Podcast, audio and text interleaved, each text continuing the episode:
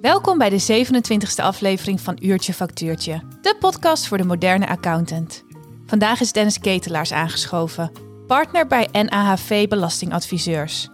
Ook is co-host Willem-Jan van der Eyck weer aangeschoven, IT-adviseur accountancy bij Arcus IT. We gaan het vandaag hebben over de IT-aanpak van NAHV. Hoe heeft deze organisatie de ICT-straat ingericht? Hoe maken ze softwarekeuzes en gaan ze om met adoptie? Hoe ziet hun werkplek eruit en hoe verliep de transitie hier naartoe? Genoeg te bespreken. Let's go!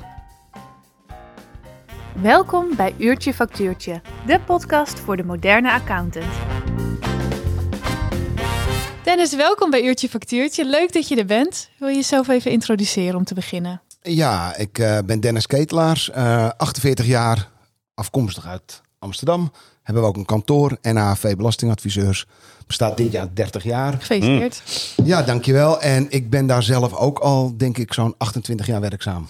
Oh, dat is ook ooit, Ja, ik ben er ooit als assistent begonnen en uh, sinds 2010 uh, als uh, partner. Wat ja. leuk. Kun je iets meer vertellen over wat, nou, wat jullie doen? Dat, dat snappen de meesten waarschijnlijk. Nou ja, wat jullie uniek maakt misschien. Ja, wij zijn een belastingadvieskantoor en administratiekantoor in het centrum van Amsterdam. En uh, wij richten ons op een bepaalde groep klanten. En met name dan op ZZP'ers.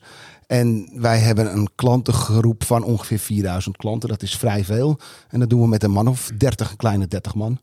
En waarom kiezen jullie nou bewust voor die doelgroep? Nou, is ooit door de grondleggers van het kantoor uh, in gang gezet. Mm -hmm. En uh, sinds 2010 ben ik dan partner. En de andere partners die daarbij zitten zijn daar eigenlijk op doorgegaan. Ja. Want wat zijn de voordelen, misschien ook nadelen ervan? Nou, niet zo zeer voordelen, nadelen. Het is wel dat wij echt gewoon een ZZP-specialist uh, zijn ja. Ja. in Amsterdam. En zoals je weet zijn er heel veel ZZP'ers in Amsterdam.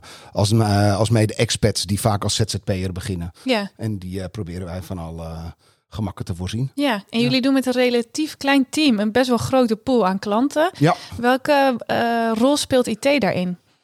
Ja, een hele grote rol. Want juist procesmatig moet het bij ons allemaal kloppen. Anders ja. kunnen wij die klanten niet bedienen. Nee. En dat heeft met name met uh, planning te maken en werkwijze. En met name de soort werkwijze. Allemaal tenminste dezelfde werkwijze. Mhm. En dat, uh, ja, da daar is een stukje automatisering voor nodig. Ja. ja. En hoe ziet dat eruit bij jullie? Hoe hebben jullie uh, ICT-straat bijvoorbeeld ingericht? Waar maken jullie gebruik van? Uh, nou ja, wij werken dus samen met Arcus. Mhm. Mm -hmm. Zij hebben onze digitale werkplek zeg maar ingericht. En in die werkplek werken wij met pakketten als Office. Uh, AVAS exact, wat allemaal zeg maar uh, via uh, Arcus beschikbaar is. Mm -hmm. Zodat mensen gewoon op elke locatie waar dan ook ze zijn kunnen inloggen en ja, de, de software beschikbaar hebben. Ja, dus jullie kiezen eigenlijk wel voor, voor grotere, meer all-in-one pakketten, meer dan een best-of-breed oplossing. Kan ik dat zo zeggen? Of hebben jullie eromheen ook nog allemaal losse oplossingen? Uh, nee, we proberen wel zoveel mogelijk bij één en dezelfde softwareleverancier te blijven, omdat het koppelen dan gewoon heel makkelijk is. Ja. Ja. Uiteraard kun je ook koppelen met, uh, met andere programma's. Alleen uh, dan vaak als er iets misgaat, dan wordt er vaak heen en weer gewezen van ja, het is jullie, het ligt bij hun, het ligt bij, bij, bij zus. Dus echt ons hoofdpakket is AVAS. qua boekhoudingen zijn we dan met Exact heel ver. En in AVAS doen we ook met name alle workflows volgen. Met name op het gebied van plannen, wat heel belangrijk is. Ja. ja. Betekent dat voor jullie dat je je processen misschien ook wat anders moet inrichten dan dat je misschien zelf zou willen, omdat je de werkwijze van een AVAS of een exact moet nou, volgen? Het, mo het, mooie van AVAS is dat je de workflows eigenlijk helemaal vrij uh, kan inrichten zoals je zelf wil. Ja. Dat is een uh, vrij open pakket. En uh, tuurlijk heb je te maken met, met standaarden die hun hanteren, maar daar kunnen we wel heel veel in aanpassen zoals wij dat willen. En dat, ja, dat doen we veelvuldig. Wij proberen elk jaar onze processen gewoon te optimaliseren en beter te krijgen. En dat is, ja, dat stopt eigenlijk nooit. Elke Nee. keer als, het, als we ergens mee klaar zijn met het project, staat er alweer een volgend project. Ja. Maar dat maakt het leuk. Ja. en zijn er ook dingen die je niet in je hoofdpakketten kunt doen? Dus slimme oplossingen die jullie proces hebben verbeterd of misschien hebben beveiligd of vereenvoudigd voor klanten waar je een specifieke software voor gebruikt of wil gaan gebruiken? Nee, kan ik niet zo 1, 2, 3. Uh... Alles zit er eigenlijk wel in. Ja. En ja. Hoe, hoe gaan jullie dan op, om met security? Want dat is natuurlijk in die zin makkelijker als je grotere pakketten hebt. Ja, Mhm. als je, hè, dat is makkelijker beveiligen dan alle losse pakketten. Zeker. Tegen welke uitdagingen lopen jullie alsnog aan op dat vlak? Nou ja, dat zijn wij. Kijk, we zijn natuurlijk een vrij kleine speler eh, op het gebied van gebruik van software. Dus wij hopen en wij denken ook dat eh, partijen als Avas en Exact, wat echt marktleiders zijn op hun, eh, hun gebied, Ja. ons daarin helpen. Ja. Met security, hetzelfde als Office. En eh, ja, als tussen, tenminste, zeg maar als, eh, hoe zou ik dat zeggen? Ehm, Ja, als daartussen zit Arcus, zeg maar. Ja, Hè, want wij hosten die, die pakketten via Arcus, althans ze draaien via Arcus. Ja. En eh, de online werkplekken zijn ook via Arcus te bereiken. Dus we hopen dat Arcus daar ook een partij in is die, eh, die dat secuurt, Ja, we zeg zien maar, dat steeds belangrijker worden. Ja. ja. Is dat zo, Willem-Jan? Kijk, natuurlijk doen jullie er alles aan wat je, wat je kan om, om qua security het op, op een hoog niveau te Ja. brengen. Wat ik ook wel vaak begrijp, ook wel in eerdere podcasts, is dat er toch ook wel een verwachting soms is vanuit de klant. Terwijl dat niet helemaal past bij de, het aanbod van de, van de IT-leverancier. Ja, dat heeft vooral te maken met het feit dat eh, die ontwikkelingen in de security en dan met name vanuit de hackerskant, ja. dat gaat zo enorm hard. Ja. En dat is bijna niet bij te benen. Dus er is een heel team van mensen de hele dag bezig om te kijken hoe moeten wij onze dienstverlening aanpassen, welke security toepassingen moeten we, hè, welke eh, eh, vulnerabilities moeten we doen. Eh, we kijken die tenant van Microsoft naar. Ja. Ja, en, en over tijd zul je zien dat dat standaard in onze dienstverlening komt zitten. ja, Ja, en dat is natuurlijk heel erg de technische kant ook. Hoe Ja. gaan jullie om met de menselijke kant, waar je natuurlijk altijd over hoort dat Ja, dat nou ja, de maar ik, ik was zelf is? altijd in de veronderstelling als je met grote pakketten werkt, een Office eh, van Microsoft en een Exact en een Avas, dat die dat allemaal voor ons regelen. Ja, Alleen eh, wel met Arcus begrepen dat wij eh, in 2020 overgingen naar Arcus. Dat we daar zelf als kantoor ook verantwoordelijkheid in hebben. Ja. En dan met name het gebruik van de mensen. ja, Eh, hoe, hoe gaan zij om met hun hardware? ja. En eh, met de beveiliging van hun hardware.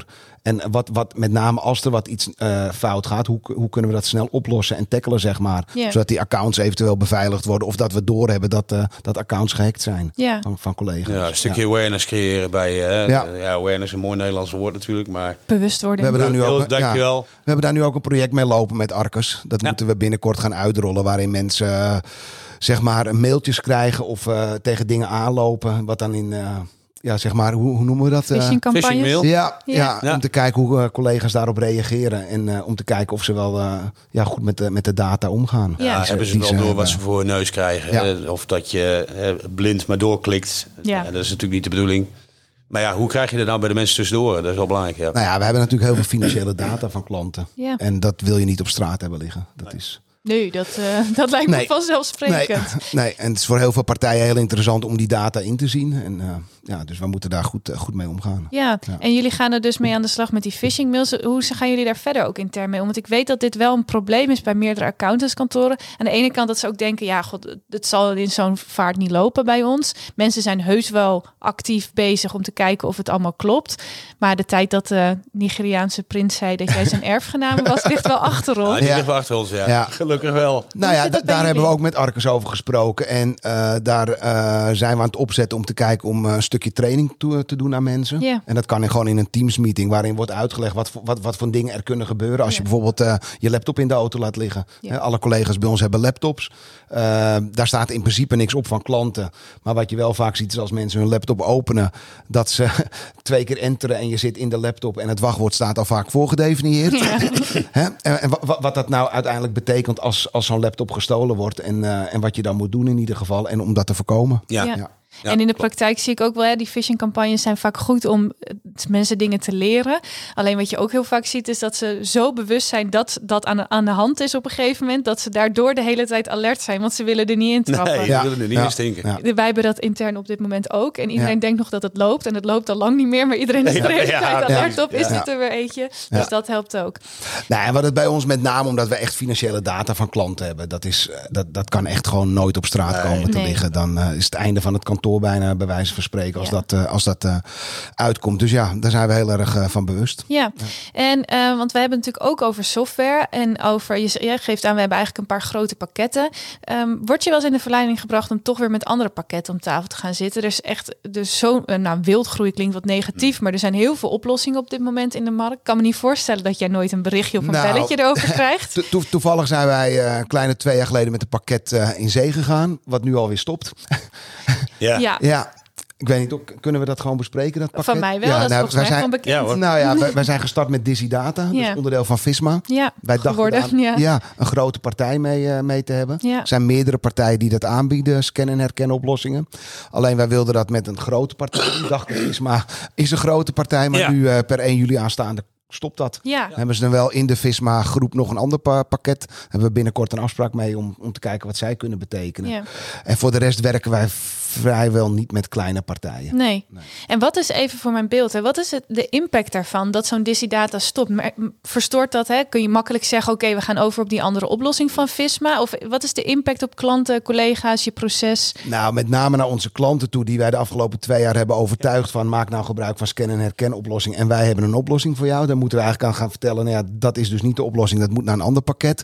Qua gebruik, denk ik, eh, ja, of je nou met pakket A of B, als je weet wat het doet en waar het voor dient, dan is elk pakket Ja. eigenlijk makkelijk in Het is ook een kleine handeling natuurlijk, Ja, in die ja. zin. Ja. Kijk, en eh, we proberen nu eh, met overs, overstap naar een pakket eh, die Dizzy Data gewoon de data kan overnemen. Oh ja. Dus dat het voor de klanten vrij weinig, denk ik, eh, ja, dat ze er weinig geen last van hebben. Nee. Nee. Maar je moet wel die hele operatie weer door. Nou ja, het kost gewoon tijd, En- en geld en Ja. energie en, eh, en Ja. gedoe. Maar ja, ik bedoel, eh, ik- ja, Visma zal dat ook niet expres doen. Ik bedoel, die hebben ons twee jaar geleden Ze hebben het denk ik niet per ongeluk gedaan. Mm, Nou ja, nee, maar ik bedoel, je kan, je kan het ook vrij. Ik bedoel, ik weet niet wie ik daarvoor moet aanspreken. nee, dat, bedoel ik bedoel ook niet. Maar het is niet per ongeluk dat het opeens stopt nee, nee, natuurlijk. nee, nee. Het zal niet succesvol genoeg zijn. eh, Nee, of dat ze die anderen inderdaad beter vinden. Ja, Ja, dat is het risico wat je natuurlijk loopt hè, als, het, als je ergens voor kiest. Nou, en dat vind ik wel met partijen dus als Avas en, eh, en Exact. Ja, daar hoef je eigenlijk niet bang te zijn dat dat eh, verdwijnt. Dat zijn zulke grote Ja, pakketten. dat zijn Nee, grote niet in ieder geval Ja. van de een op de andere dag, eh, dat klopt.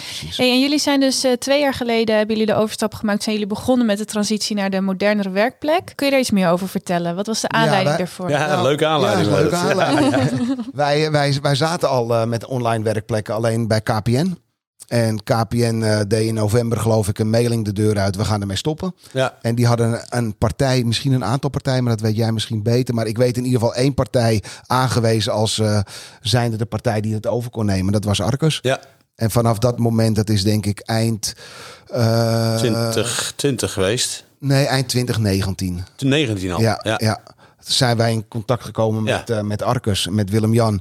En hebben we een plan gemaakt hoe we die eh, ja, zeg maar over konden zetten van KPN naar Arcus. Al onze data, al onze werkplekken.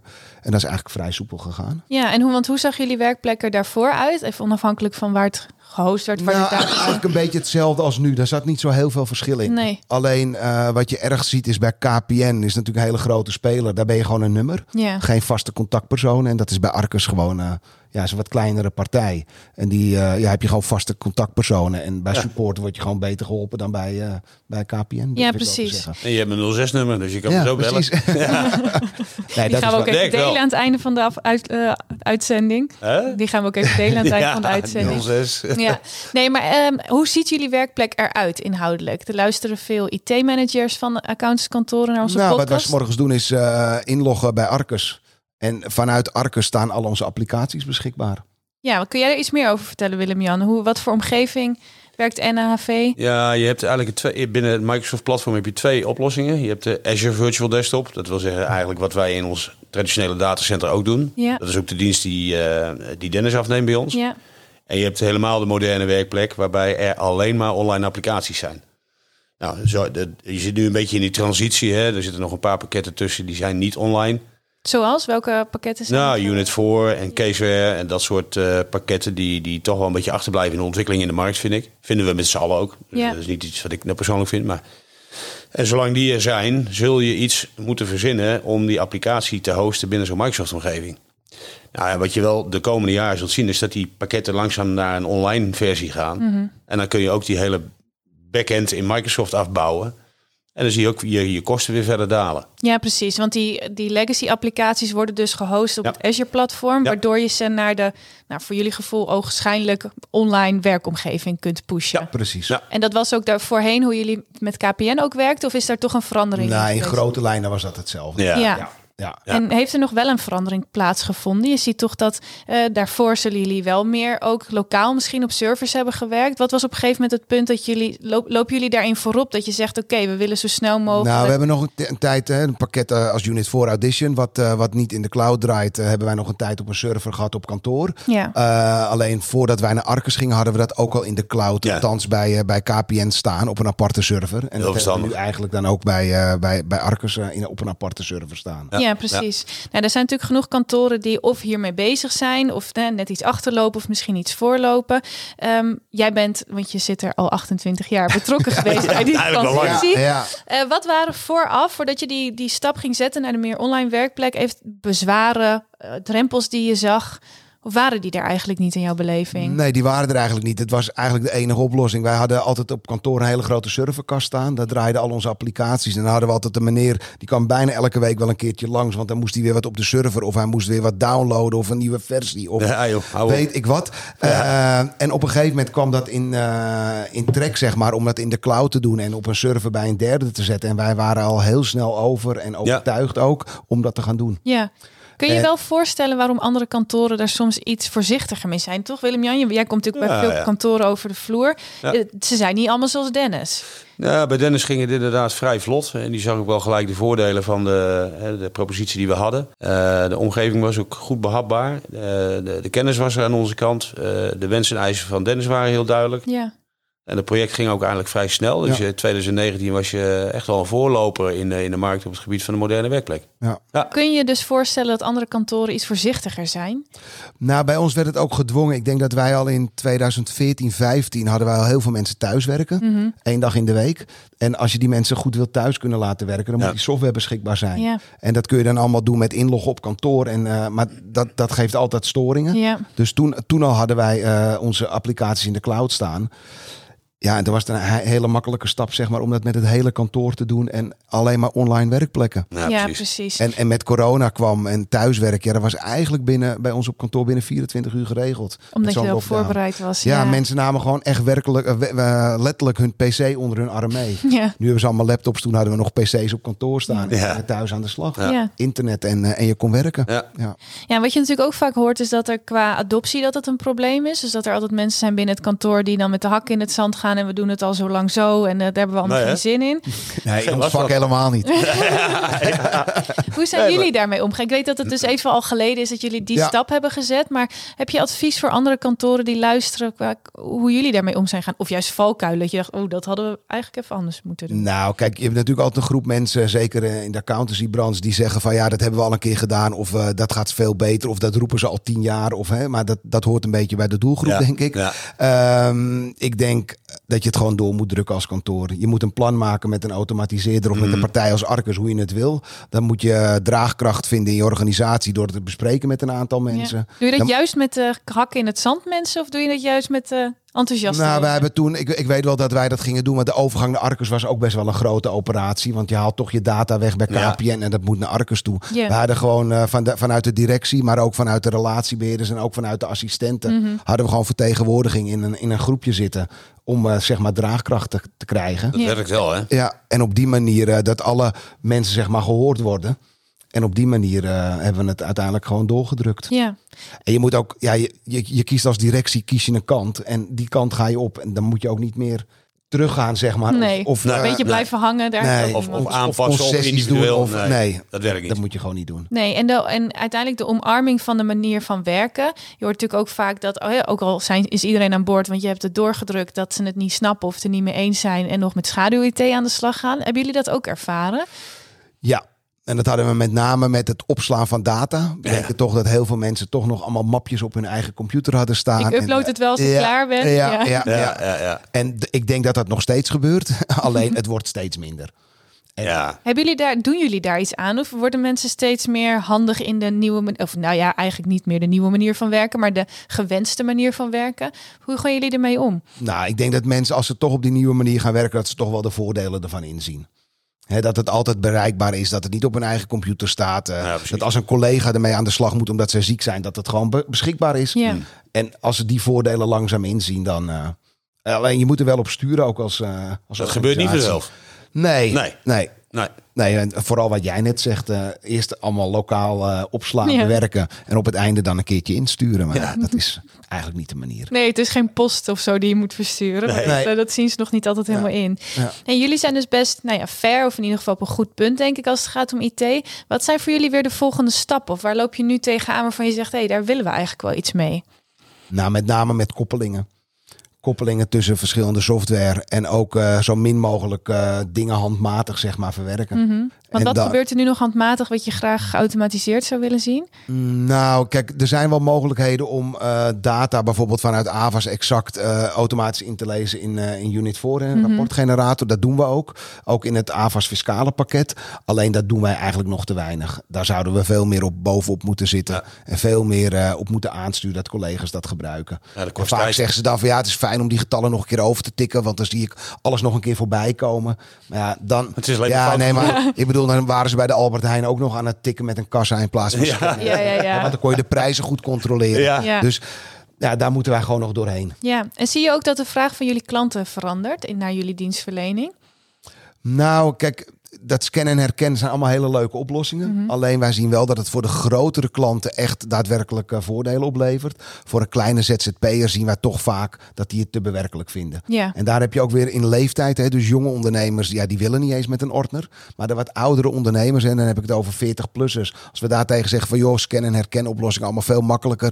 Dan zeggen ze, ja, Dennis, ik doe dit al 30 jaar zo, of ik doe het al Ik, 20 ik breng jaar. de schoenendoos even. Nou ja, dat is dan wel weer de, de hele andere kant. Maar ja, Ja. die, het is moeilijk om die eh, te overtuigen. Maar die, dat accepteren jullie dus nog wel als mensen met ordners Nou ja, komen? kijk, wij, wij zijn dienstverlener. Je hebt verschillende soorten kantoren. Je hebt kantoren die zeggen, we doen het op deze manier. En dat is de manier waarop wij als kantoor werken. Ja. Daar hebben wij ook wel een manier in. Alleen wij zeggen wel van ja, als er een klant echt het op een andere manier wil en het is voor ons aanvaardbaar en we kunnen daarmee werken. Hè, want we hebben ook met onze accountancy-regels te, eh, hè, te, te- maken dat het wel allemaal volgens de regels gaat. Dan passen we daar gewoon een mouw aan bij klanten. Zo zijn we dan ook wel weer. Ja. Maar liever niet. Liever niet. Maar dat is ook wel een Ja. beetje de cultuur van je kantoor. Ja, Niet zeuren, kopje naar maar lekker, lekker doorwerken. ja, precies. Ja. Ja. Maar het is natuurlijk wel, als je, als je het hebt over automatiseren en je processen efficiënter inrichten en je wil eigenlijk heel veel klanten kunnen bedienen omdat het ZZP'ers zijn, is, het op een gegeven moment natuurlijk wel veel bewerkelijker om met zo'n ordner, eh, als je de uurtjes, eh, hoe werken jullie? Is het uurtje factuurtje? Ja, met name uurtje factuurtje. Ah, ja. Dus die klanten Dan betalen is het iets, over, iets overzichtelijk. Nee, en, en, maar dat bespreken we ook eerlijk met die klant. Dat we zeggen van ja, jij wil het op deze manier, dat kan. Ja. Maar Het is gewoon veel meer werk om dat te verwerken. Dus dat gaat ook gewoon meer geld kosten. Ja, en je hoort natuurlijk ook in de branche steeds meer over die veranderende rol van de accountant. Hè? Steeds meer richting een adviesrol, meer dan het, hè, het uitvoerende administratieve werk eigenlijk. Ervaren jullie dat ook zo met jullie klanten? Ja, klanten zijn veel eisender. Mhm. En eh, ja, willen meer dan alleen maar een jaarrekening of een aangifte. Ja. Ze willen ook wat toegevoegde waarde. En echt waar een jaarrekening of een aangifte kan natuurlijk iedereen eh, maken. Maar het Ja. gaat ook om het verhaal erbij en het adviseren of, of eh, signaleren met name bij klanten Ja. wat er speelt. Ja. En eh, dat is wel een wisselwerking. Ik bedoel, wij hebben klanten die brengen een ordner of eh, die sturen wat op en die hoor je voor de rest niet. Ja, daar heb je natuurlijk weinig contact mee. Ja, Dus ja, dat ligt bij ons een stukje uitdaging om contact op te nemen met die klant. Maar zeker ook eh, bij ons bij de relatiebeheerders om contact op te nemen met de klant en dingen te bespreken. ja. Ja. En want hoe creëren jullie daar de tijd voor? Is dat ook gewoon een, weer een uurtje factuurtje? Hebben jullie daar een aparte dienst van gemaakt? Werken jullie Nee, niet zozeer een aparte dienst. Het gaat gewoon om als de aangifte klaar is of de jaarrekening, dat je gewoon een contactmoment zoekt met de klant. Ja. Ja. Of, of ze de stukken hebben gekregen of alles duidelijk was. En dat je gewoon een aantal punten even met ze bespreekt. Ja. Kijk, een aantal klanten wil altijd langskomen en het eh, uitvoerig doorspreken. En andere klanten kijken alleen maar naar het resultaat en die denken, nou dat Ja. valt mee of het valt tegen. Ja. En als het tegenvalt, willen ze vaak meer praten. Dus ja, Alleen, het is natuurlijk heel makkelijk om te zeggen als de klant geen vraag heeft, oké, dan gaan we weer door naar Ja. de volgende. Dat, ja, dat kost extra tijd, dat klopt. Ja, En, eh, maar heb je, want je zegt, hè, dan kijken ze en dan zeggen ze, oh, het valt mee of het valt tegen. Zijn dat dan de mensen die inderdaad na een kwartaal of misschien na een half jaar pas hun ordner komen brengen? Of merk je ook dat er een toename is in klanten die veel meer real-time inzicht willen en ook vaker willen schakelen over de stand van zaken of de, de forecast misschien wel? ja, nou ja, dat zie je met name bij wat grotere klanten. Eh, de meeste ZZP'ers kan je s'nachts wakker maken. En dan weten ze precies hun debiteurensaldo en wat ze nog moeten betalen. Geloof me, dat weet een ZZP'er. Eh bij de wat grotere klanten zie je dat wel. Dus dan werken we ook met een pakket als eh Vision Planner. oh ja, ja. Hè, daar kunnen klanten dan zelf hun forecast zien. Ze kunnen hun begroting zien. Ze kunnen hun realisatie zien. Nou, dat is En- wel mooi. en- ja, en, en gewoon direct eh, inzicht in de kosten en inkomsten. Dus daar En jullie we ook vaak adviseren daar dan actief ook over? Ja, Over zeker. Hoe ze dat ja. gaan eh, doen. Ja. Oké, nou we zijn alweer bijna aan het einde gekomen. Ja, gaat gaat snel hè. Ja, joh. Ik ben wel nog even benieuwd, hè, want jij hebt natuurlijk heel veel ervaring. Je hebt heel veel meegemaakt in de veranderingen. Ehm, zijn er dingen waarvan je zegt, joh, dat heb ik echt geleerd de afgelopen jaren, wat ik een ander kantoor eens mee wil geven? Een tip of juist een valkuil? Oeh. Oh, Ja, dat is er eentje. hoe lang hebben we nog? Ja. Nou ja, ik, ik, ik denk met, vooral met automatiseren betekent dat je heel veel dingen moet veranderen. En met die veranderingen, dat, dat willen mensen van, van origine niet. En je hebt het altijd druk en je hebt altijd een reden om het uit te stellen. Hè? Want het voorjaar dan is het de drukste periode. In de vakantie zijn mensen op vakantie. In oktober, november, dan moeten we op adem komen. Ja, dan is het alweer januari, dan begint de drukke periode feest weer. weer. Dus ja, je, je moet gewoon... Kijk, zeker het eerste half jaar zou ik het nooit doen. Maar je kan het gewoon in de vakantie of in oktober, november... eh, ja, moet, je- je moet het gewoon doordrukken, veranderingen. Het is het enige wat Ja. werkt. En anders, eh, Als je blijft doen wat je deed. ja. Ja, En er is altijd wel een reden om het niet te doen. Ja. Maar er ook heel veel redenen om wel te veranderen. Nou, dat lijkt me een mooi om mee te besluiten. ja. Nou, mooi. Dankjewel, Dennis. Jij ook bedankt. ja. Vond het leuk. Dankjewel Goed Dennis. zo. Ja, oké. Dankjewel. Dit was de 27e aflevering van Uurtje Factuurtje. Tot de volgende keer.